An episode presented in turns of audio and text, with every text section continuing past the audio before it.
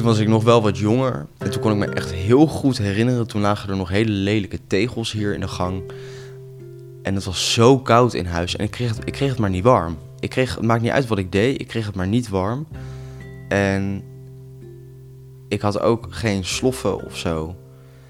En het was mij opgevallen dat ik dat niet had, omdat ik bij iemand anders thuis was geweest en daar hadden ze allemaal sloffen. Dat was dan zo'n heel ja, kneuterig iets. En ik dacht van, ik loop hier altijd maar op mijn blote voeten over deze hele koude tegels heen en ik krijg het maar niet warm. En op dat moment voelde, het, voelde ik me zo alleen en zo... Dat was zo'n moment waarvan ik echt dacht, niemand weet hoe ik me nu voel. En dat dit is zeg maar hoe ik mijn dag begin. Dat was natuurlijk gewoon een periode, want het was winter, dus dan is het elke keer koud. En uh, nou ja, als je niemand hebt die de verwarming omhoog zet en je dat als kind ook misschien nog niet helemaal door hebt dat het een ding is, dan ja. Maar dat, was, dat heb ik toen wel vaak gedacht, ja. ja. En ik denk dat dat ook wel iets van het gevoel is van eenzaamheid. Dat als ik het echt heel koud heb of zo. Dat, ja. Ik zorg altijd voor dat ik, me niet, dat ik het niet koud heb. Laagjes en laagjes en laagjes. Ja. Achter de microfoon praten. Ja. En staat je telefoon op stil eigenlijk? Ja, is dat helemaal. Zo, prima. Probeer niet heel dicht en dan heel ver weg. Dus op het Ik eh, ben Martin, ik ben 24 jaar. Ik werk als eh, maatschappelijk werker eh, met jongeren, voornamelijk met de doelgroep vroegtijdig schoolverlaters. En eh, ik studeer psychologie in Amsterdam, deeltijd erbij. Eh, en eh, ben trots baasje van Miep. ja. Ja, Miep hebben we net al eh, gezien. ik had een hele mooie dikstaart. ja. Je luistert naar Verbroken Verbinding. Een podcast over eenzaamheid in tijden van corona en daarbuiten. Mijn naam is Gerry van Bakel. Samen met mijn collega-podcaster Andy Clark maken we een zesdelige podcastserie over eenzaamheid. Daarvoor gaan we kriskast op onderzoek door Leiden. Zo kwamen we ook aan de keukentafel van Martin terecht in de Merenwijk. Hij woont hier met zijn vrienden en zijn kat Miep. Vroeger woonde Martin hier met zijn ouders, maar dat was niet een alledaagse gezinssituatie. Zijn vader was veel weg voor zijn werk en zijn moeder was chronisch ziek, waardoor Martin meer voor haar zorgde dan andersom.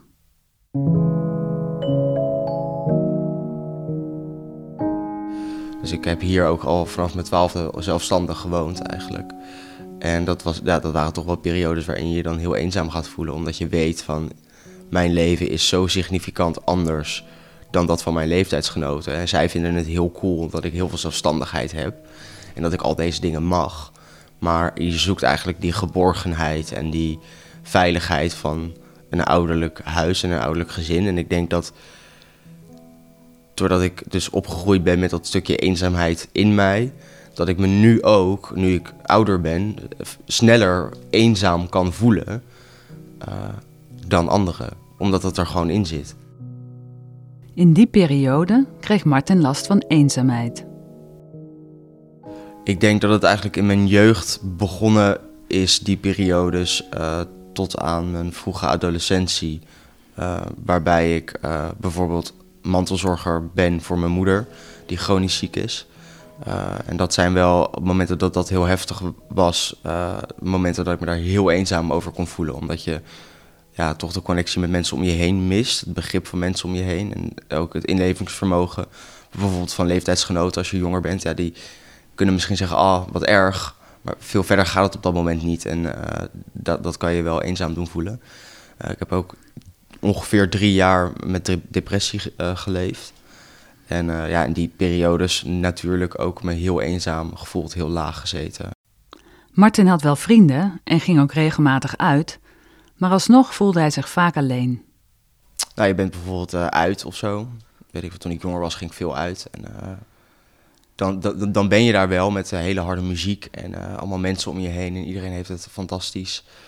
Eh, en zelf denk je gewoon, wat, wat doe ik hier? Weet je wel, waarom ben ik hier eigenlijk? De dingen die op mijn hart liggen of de dingen die ik wil delen... of eigenlijk de behoeftes die ik nu heb, die ga ik hier helemaal niet vinden. En, en wat is dan bijvoorbeeld wat je had willen delen? En wat je zegt, ja, daar is, op zich kan me voorstellen dat je in een discotheek bent, hele harde muziek, dat er niet een. eh, dat je niet over hele intieme gevoelens eh, gaat praten. Nee, nee. Eh, dus dat is dat. Nou, wat ik dan had willen delen is bijvoorbeeld als mijn moeder opgehaald moest worden door de ambulance. Dat soort verhalen. Eh, je, ziet je vrienden dan pas op het moment dat er al besloten is, oh, we gaan uit, weet je wel. Dus iedereen is dan al eh, aan het pre-drinken. En eh, de, de, die ruimte is er dan, zeg maar, niet. Om, eh, om zoiets eh, bespreekbaar te maken. Of zo, zo voel je dat in ieder geval. Van ja, ik ga nou niet hierover beginnen, want dan kom ik weer met mijn eh, zwaar beladen onderwerpen, terwijl iedereen het gewoon leuk probeert te hebben. Dus eh, ik, ik zal het maar inslikken, zeg maar. Ik vroeg Martin hoe hij eenzaamheid definieert. Dat je de verbinding met je omgeving kwijt bent. Hij hoeft er, eh, ik denk dat hij er altijd wel is, maar dat je hem gewoon zoek bent. Dat je niet weet eh, waar het begin van het touw is, om, om, het even zo te zeggen. Dat je dat even kwijt bent. Dat je je daardoor heel erg op jezelf voelt. En, eh, en ik denk ook wel dat het dus gaat om een soort authentieke verbinding met je omgeving. Omdat je natuurlijk wel gewoon in een klas kan zitten. En het, het, is, het is niet die, die hele simpele eh, verbinding met je omgeving. Zo van, nou, wij zitten hier nu dus met z'n drieën aan de tafel. Nou, er is verbinding. Je hoeft je niet eenzaam te voelen, weet je wel. Het gaat dan echt om eh, dat je je gehoord en gezien voelt. En eh, dat je er mag zijn. En dat je weet hoe je contact zoekt met je omgeving. En eh, dat is voor mij wel echt eenzaamheid, ja. Als, als dat er niet is.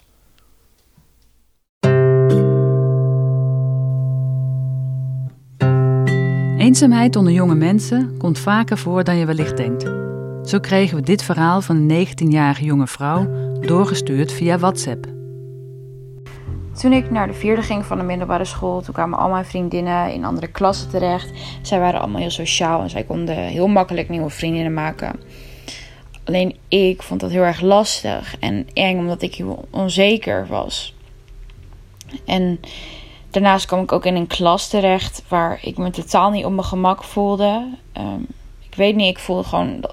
Het voelde gewoon alsof ik er niet in paste of er niet bij hoorde. En ik zat met meiden in de klas waarvan ik wist dat zij dat jaar daarvoor ook al nare dingen over mij hadden gezegd. En dat deden ze dit jaar weer, waar ik gewoon bij zat. Dus dat voelde helemaal niet fijn. En on top of that ehm, waren er mensen met wie ik dat jaar daarvoor een hele goede, goede band had. Die negeerden me ineens gewoon compleet, alsof ik niet bestond. En dat gaf mij het, gewoon het gevoel dat er iets mis met mij was. Gewoon... En ik heb me toen heel alleen en verdrietig gevoeld. Vooral de pauzes waren ook iets waar ik echt heel erg tegen opkeek. En waar ik me ook altijd heel, heel erg naar voelde. Want mijn oude vriendinnen, die zaten bij een nieuwe vriendinnen. En ik stond er echt gewoon alleen voor. En ik heb gewoon pauzes, delen van pauze heb ik gespendeerd op het, op het toilet. En ben ik naar de mediatheek gegaan om aan iets te werken waar ik niet eens aan moest werken. Gewoon alleen om die tijd door te komen. Opgenomen met haar telefoon. Op de achtergrond hoor je de auto's voorbij gaan. Net zo snel als de negatieve gedachten in haar hoofd. Ik dacht dat er wat mis met me was. En ik dacht dat dat aan mijn uiterlijk lag. Ik dacht dat ik moest afvallen en dat, ze me dan wel, dat ik dan wel gewaardeerd werd. En dat, dan, dat ik dan niet meer onzeker zou zijn. En dat heeft uiteindelijk, dat is gewoon heel snel gegaan allemaal. En toen heb ik een eetstoornis ontwikkeld. En daar heb ik twee jaar heel erg last van gehad. En nu gaat het goed, ehm, beter. Ehm, alleen ik vind het vrienden maken vind ik nog steeds heel lastig. Omdat ik gewoon nog steeds heel onzeker ben. En ik durf gewoon heel weinig te zeggen. Omdat ik zo bang ben om iets verkeerd te zeggen of iets raars te zeggen. Waardoor ik gewoon mijn mond hou. En ja, zo leren ze mij ook niet kennen. En daardoor ja, ben ik eenzaam. Uitsluiting als startpunt van een negatieve spiraal. We dit vaker van jonge mensen. Nou, de middelbare school was voor mij heel erg moeilijk, omdat ik uh, echt heel erg veel gepest werd, dag in dag uit. Um, ik was al een hele onzekere, verlegen en uh, in mezelf gekeerde jongen. En um, ja, dat doet toch ook wel wat met je. En nou, mijn zelfbeeld was al vrij laag. En ehm, nou, als je dat elke keer, uh, elke dag, uh, dag in dag uit uh, krijgt te horen van heel veel verschillende mensen en toch ook elke keer dezelfde mensen, dat op een gegeven moment ga je dat zelf dan ook geloven. Dit is Thijs, inmiddels 29 jaar. Ik vroeg hem of hij zich toen ook eenzaam voelde. Ja, absoluut. Ja, want uh, nou, de docenten daar die uh, keken allemaal de andere kant op. En uh, schoolvrienden die ik had, die uh, deden of mee of die deden net zoals de docenten. Dus ik was ja, inderdaad helemaal alleen, eenzaam. Dus. In, die hele, in die hele klas, in die hele school had je idee dat niemand eigenlijk jou zag? Nee, nee precies dat. Zijn gevoel van eenzaamheid ging samen met een zware depressie. Een vliegwiel naar beneden. Uh, door die depressie uh, was ik eenzaam. Uh, en door die eenzaamheid voel ik me ook nog depressiever.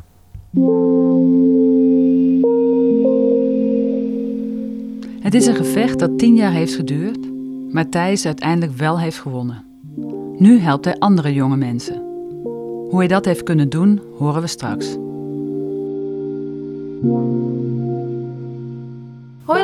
Leuk dat je weer kijkt naar een nieuwe video. Ik ben Lotte en vandaag ga ik jullie wat vertellen over vriendschap en mijn struggle met vriendschap. Hoi allemaal, leuk dat je kijkt naar deze nieuwe video. Mijn naam is Maya, als je nog niet Als je bijvoorbeeld op YouTube kijkt en je tikt bijvoorbeeld uh, uh, geen vrienden in of, of uh, eenzaamheid, dan zie je ook rolmodellen eigenlijk, vloggers, die, nou, die hebben heel veel volgers, de, filmpjes worden goed bekeken, vlogs worden goed bekeken.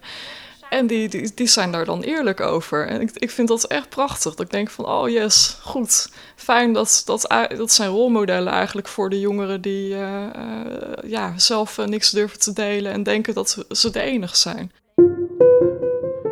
Ik ben Angela Reinhout en sinds twee jaar geef ik eigenlijk weerbaarheidstrainingen aan jongeren vanaf 12 jaar tot met 25 jaar in Leiden. En um, nou ja, weerbaarheidstrainingen, dat uh, is puur echt wel gericht op jongeren die uh, toch wel last hebben van verlegenheid, sociale angst.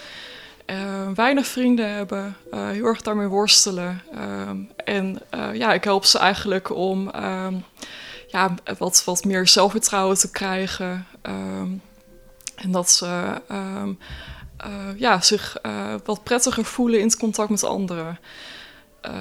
En tegelijkertijd ook gewoon zichzelf blijven uh, wie ze zijn. Dus dat is uiteindelijk mijn, uh, mijn doel met de trainingen. Dus uh, ja. YouTube kan een positieve invloed hebben, volgens Angela. Maar de online wereld kan ook een bron zijn van angst voor kwetsbare jonge mensen. En dat ziet ze ook in haar groep. Nou goed, in, in die groep, in de community zitten ook een aantal die ehm, die toch wel echt hebben toegegeven van ja, ik heb geen vrienden en uh, ik, heb, ik voel me toch wel echt eenzaam. En uh, ik heb wel contacten, maar die sturen me eigenlijk nooit een appje. En uh, ja, ik voel me daar echt raar en naar om. En ja, het, ieder, ieder ander die gaat wel gezellig uit. En dat zie ik ook allemaal op Instagram. die zien perfecte levens van, van al die leuke jongeren die alleen maar de, de, de ja, vrolijke versie van zichzelf laten zien. Ja, dus dat is funest voor jongeren die, uh, die denken van, uh, ja, ik, ik heb niemand. De mate van interactie op social media speelt ook een rol volgens Angela. Ik denk dat ook um, dat, dat jongeren die actief reageren op social media, die echt, echt re leuk reageren op anderen en op die manier ook contacten onderhouden, dat, dat daar ook wel een verschil in ligt met jongeren die alleen maar aan het lezen zijn en alleen maar die leuke plaatjes zien en zelf niks delen. Dat daar ook wel een groot verschil in uh, te, te zien is. Uh, en dat die jongeren die eigenlijk passief zijn, dat die ook wel tot de risicogroep behoren. Kunnen behoren misschien. Maar goed, dat. Omdat die alleen ja. maar, zeg maar het mooie plaatje bij een ander zien en dan denken van ja, zo leuk en interessant is mijn leven nooit. Ja, ja, precies. Ja, ja. En zelf eigenlijk niks durven te delen, want ik kan toch nooit tippen aan uh, die ene uh, klasgenoot van mij die uh, een fantastisch leven leidt, blijkbaar. ja. Als maatschappelijk werker heeft Martin gezien wat een enorme impact social media heeft op jonge mensen. Ja, echt dat als je met een cliënt hem begeleidt naar een nieuwe werk slash dagbestedingsplek. Je bent boodschappen aan het doen, omdat ze dan gaan koken in de keuken, weet je wel. Eén op één met de kok en een begeleider, alles helemaal geregeld, geen prikkels, niks, alles, alles. En dan maar op die telefoon, de hele tijd op die telefoon. En dan krijgt hij Snapchats van vrienden die aan het chillen zijn. Dus hij kan, niet drie uur, hij kan drie uurtjes niet chillen met zijn vrienden, want hij is dat aan het doen met mij. We zitten in het eerste half uur en hij loopt gewoon weg. Hij laat die boodschappenkar los en hij is gewoon gone. Omdat die kracht van die social media en van die fear of missing out onder jongeren zo sterk kan zijn. Nou, zit natuurlijk ook wel niet gewoon de, je doorsnee jongeren en er speelt er natuurlijk wel meer in dat kopie dan. Hè, dan zo, maar ja, je ziet hoe, hoe social media ja, jongeren letterlijk bij je wegtrekt als hulpverlener. Ja, stond ik daar met die boodschappenkar. ja, was heel raar. maar ja. Net als Martin heeft Angela een eigen pijnlijke ervaring met eenzaamheid. Als kind is ze vaak verhuisd. Op haar zestiende ging ze van Hoofddorp naar Katwijk. Weer een nieuwe start op een nieuwe school. En toen volgde direct een schoolreisje naar Praag weet ik nog heel goed. en ik, uh, iedereen had een leuke, leuke uh, groep, zeg maar. Je ging dan als groep op een kamer en er waren stapelbedden en, enzovoort. En ik werd toen uh, gevraagd ook uh, door een, een, vriendinnengroepje of ik met hun op een kamer wilde. En ik dacht, bij me, ik had gevoelsmatig gehad. Ik dacht, nee, ik wil niet met jullie. Jullie zijn te populair voor mij. maar ik kon geen nee zeggen. Want ik dacht van, ja, als ik nu nee zeg, ja, wie heb ik dan? dus ik dacht, oh nee, nou, dan ga ik maar. Maar ik zat vol met negatieve gedachten over mezelf. En ik was echt... Nou, ik heb, ik heb toen die tijd uh, heb ik, heel weinig gezegd. Ik, uh, ik durfde gewoon niet. Ik was echt, uh, echt angstig voor uh, afwijzing ook. En inderdaad, op die afwijzing hoefden ze niet lang te wachten. Ik kan me nog goed herinneren dat ik toen bij de McDonald's zat in Praag met die meiden. En er was een kleine tafel um, en niet iedereen paste daar aan die tafel. Dus um, nou ja, en, en de rest ging al zitten. Dus, en, en ik paste er niet bij met, met nog een ander meisje. Dus ik ging aan de andere tafel zitten. En vervolgens uh, uh, zei de groep tegen dat ene meisje: Ja, maar dan ga je toch naast Angela zitten? Ja, ik ga echt niet naast haar zitten hoor. Nou, toen uh, kon ik wel huilen. ik was heel goed. Ik echt dacht van, oh nee, nu, nu word ik nog extra bevestigd in het feit dat, dat zij niet naast me wil zitten. Jeetje. Dus dat was voor mij echt wel ja, een pijnlijke, pijnlijke ervaring. Ja.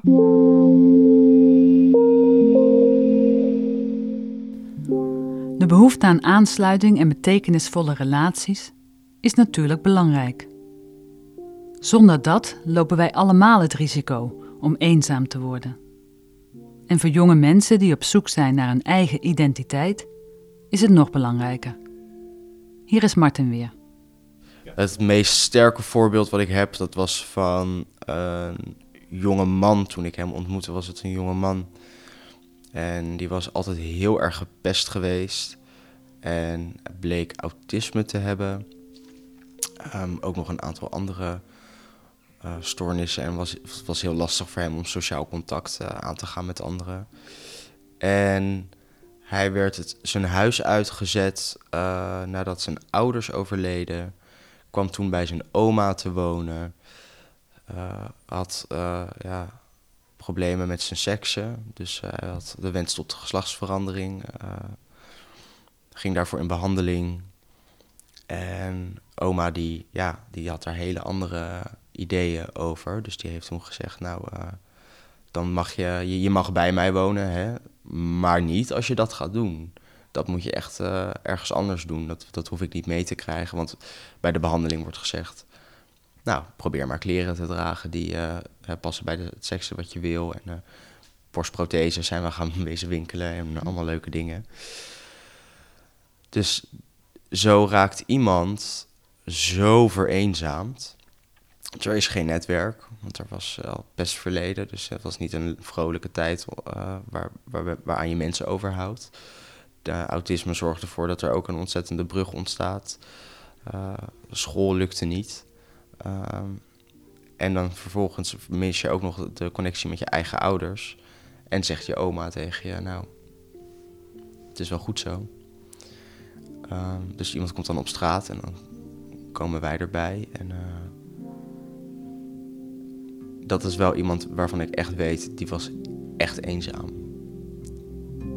Eenzaam op manieren die ik me niet kan voorstellen, ondanks dat ik dat gevoel misschien heel erg herken. Diegene was echt eenzaam.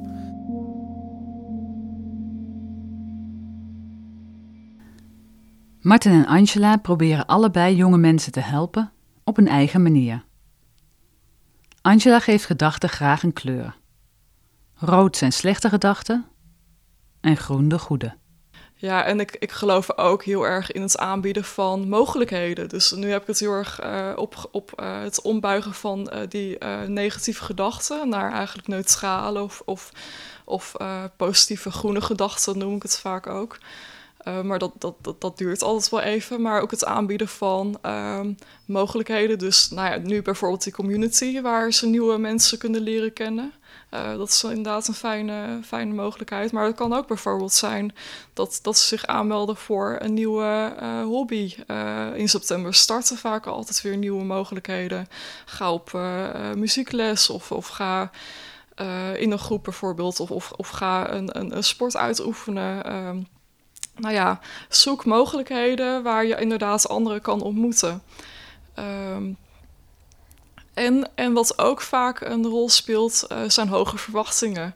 Dus als je enorm hoge verwachtingen hebt van een vriendschap, van ja, iemand moet uh, uh, ja, eigenlijk wel dagelijks met mij contact zoeken, want anders is het geen echte vriend, bijvoorbeeld, of vriendin. Of ja, die persoon die moet wel aansluiten op mijn interesses, want anders dan uh, is het ook iemand waar ik niet mee op wil trekken. Ja, dat, dat, zijn allemaal hele hoge verwachtingen die ook wel bijgeschaafd mogen worden. Martin onderstreept hoe belangrijk authentiek contact voor mensen is. Ik probeer ze aan te moedigen om dingen te doen die ze leuk vinden om te doen. Waar zij echt wat zij leuk vinden. En of dat nou is dat je gaat een schilderijtje gaat maken of dat je elke dag naar de dierentuin gaat. Of het maakt, het maakt mij niet uit of, dingen die andere mensen misschien volstrekt belachelijk zouden vinden, zoals elke dag een taart bakken en die helemaal zelf opeten. Als jij maar er een positieve energie uit haalt. Want ik geloof ook dat als je dingen doet die jij echt leuk vindt, kom je vanzelf mensen tegen die dat ook leuk vinden. Uh, want als jij dan de hele tijd naar die bakkerswinkel gaat, dan kom je misschien wel iemand tegen die dat ook heel leuk vindt. Um, en ik probeer altijd op, ja, echt authentiek contact te hebben en ze te laten weten van als het niet gaat, je kan me gewoon altijd bellen. Naast persoonlijke aandacht speelt de maatschappij een belangrijke rol volgens Martin. Ik denk dat we als maatschappij uh, jongeren, kinderen sowieso in hun ontwikkeling meer mogen meegeven over hoe het is om mens te zijn. Om wat er allemaal bij komt kijken en hoe je daarmee om kan gaan. Waarvan eenzaamheid, verdriet, uh, angst natuurlijk ook een heel groot deel van mens zijn is. Uh, en tegenwoordig is in mijn optiek alles er zo op gericht om uh, naar de positieve aspecten van het mens zijn te kijken en daarnaar te streven dat we vergeten mee te geven dat, dat anderen ook een deel is van, uh, van ons bestaan. En daarmee ook vergeten mee te geven hoe je daarmee omgaat en wat je dan doet. Thijs, die als jongen heel erg op school werd gepest, is op een gegeven moment bij stichting Lume Holland-Rijnland terechtgekomen. Het was in het begin een hele beproeving. Nou, het eerste wat ik dus moest doen um, bij Lumen was um, een um, cursus volgen. en ik kende verder helemaal niemand. Ik had ja, alleen mijn coach, maar die had ik twee keer eerder gezien. Dus ik kan ook niet echt zeggen dat ik haar daadwerkelijk uh, kende. nou, ik, uh, ik, weet nog dat ik die dag uh, toen naar onze locatie op de Hooigracht was gegaan. En nou, ik liep dus eh, richting de cursusruimte en uh, ik, ik kon mezelf niet eens horen denken. Zoveel mensen waren aanwezig en zo druk was er. Dus ik dacht al van, uh, ga ik dit nou echt doen? En ik weet nog dat ik toen in de deuropening stond en al die vreemde gezichten zag. En ik dacht, nou, ik, ik scheets wat zeven kleuren. Maar ehm, ja, ik, ik heb het eh, toch gedaan. Ik dacht ook bij mezelf van ik, ik ga nou niet weer terugvallen in dat vermijdende gedrag en omkeren en naar huis gaan. Het was niet makkelijk. dus ik was gewoon naar binnen gegaan en ik was naast mijn coach gaan zitten. En ehm, nou, toen kwam dat afgrijzelijke voorstelrondje. Um, mijn hart ging tekeer, mijn stem sloeg over. maar um, nou, ik ben het wel aangegaan. Zo ben ik over die sociale angst heen gekomen. En nou, ik ben inmiddels ook een uh, ontzettend sociaal persoon geworden. Uh, waar ik vroeger echt een uh, extreem introvert was. Dus dat heeft me ook enorm nou, geholpen om die depressie te overwinnen.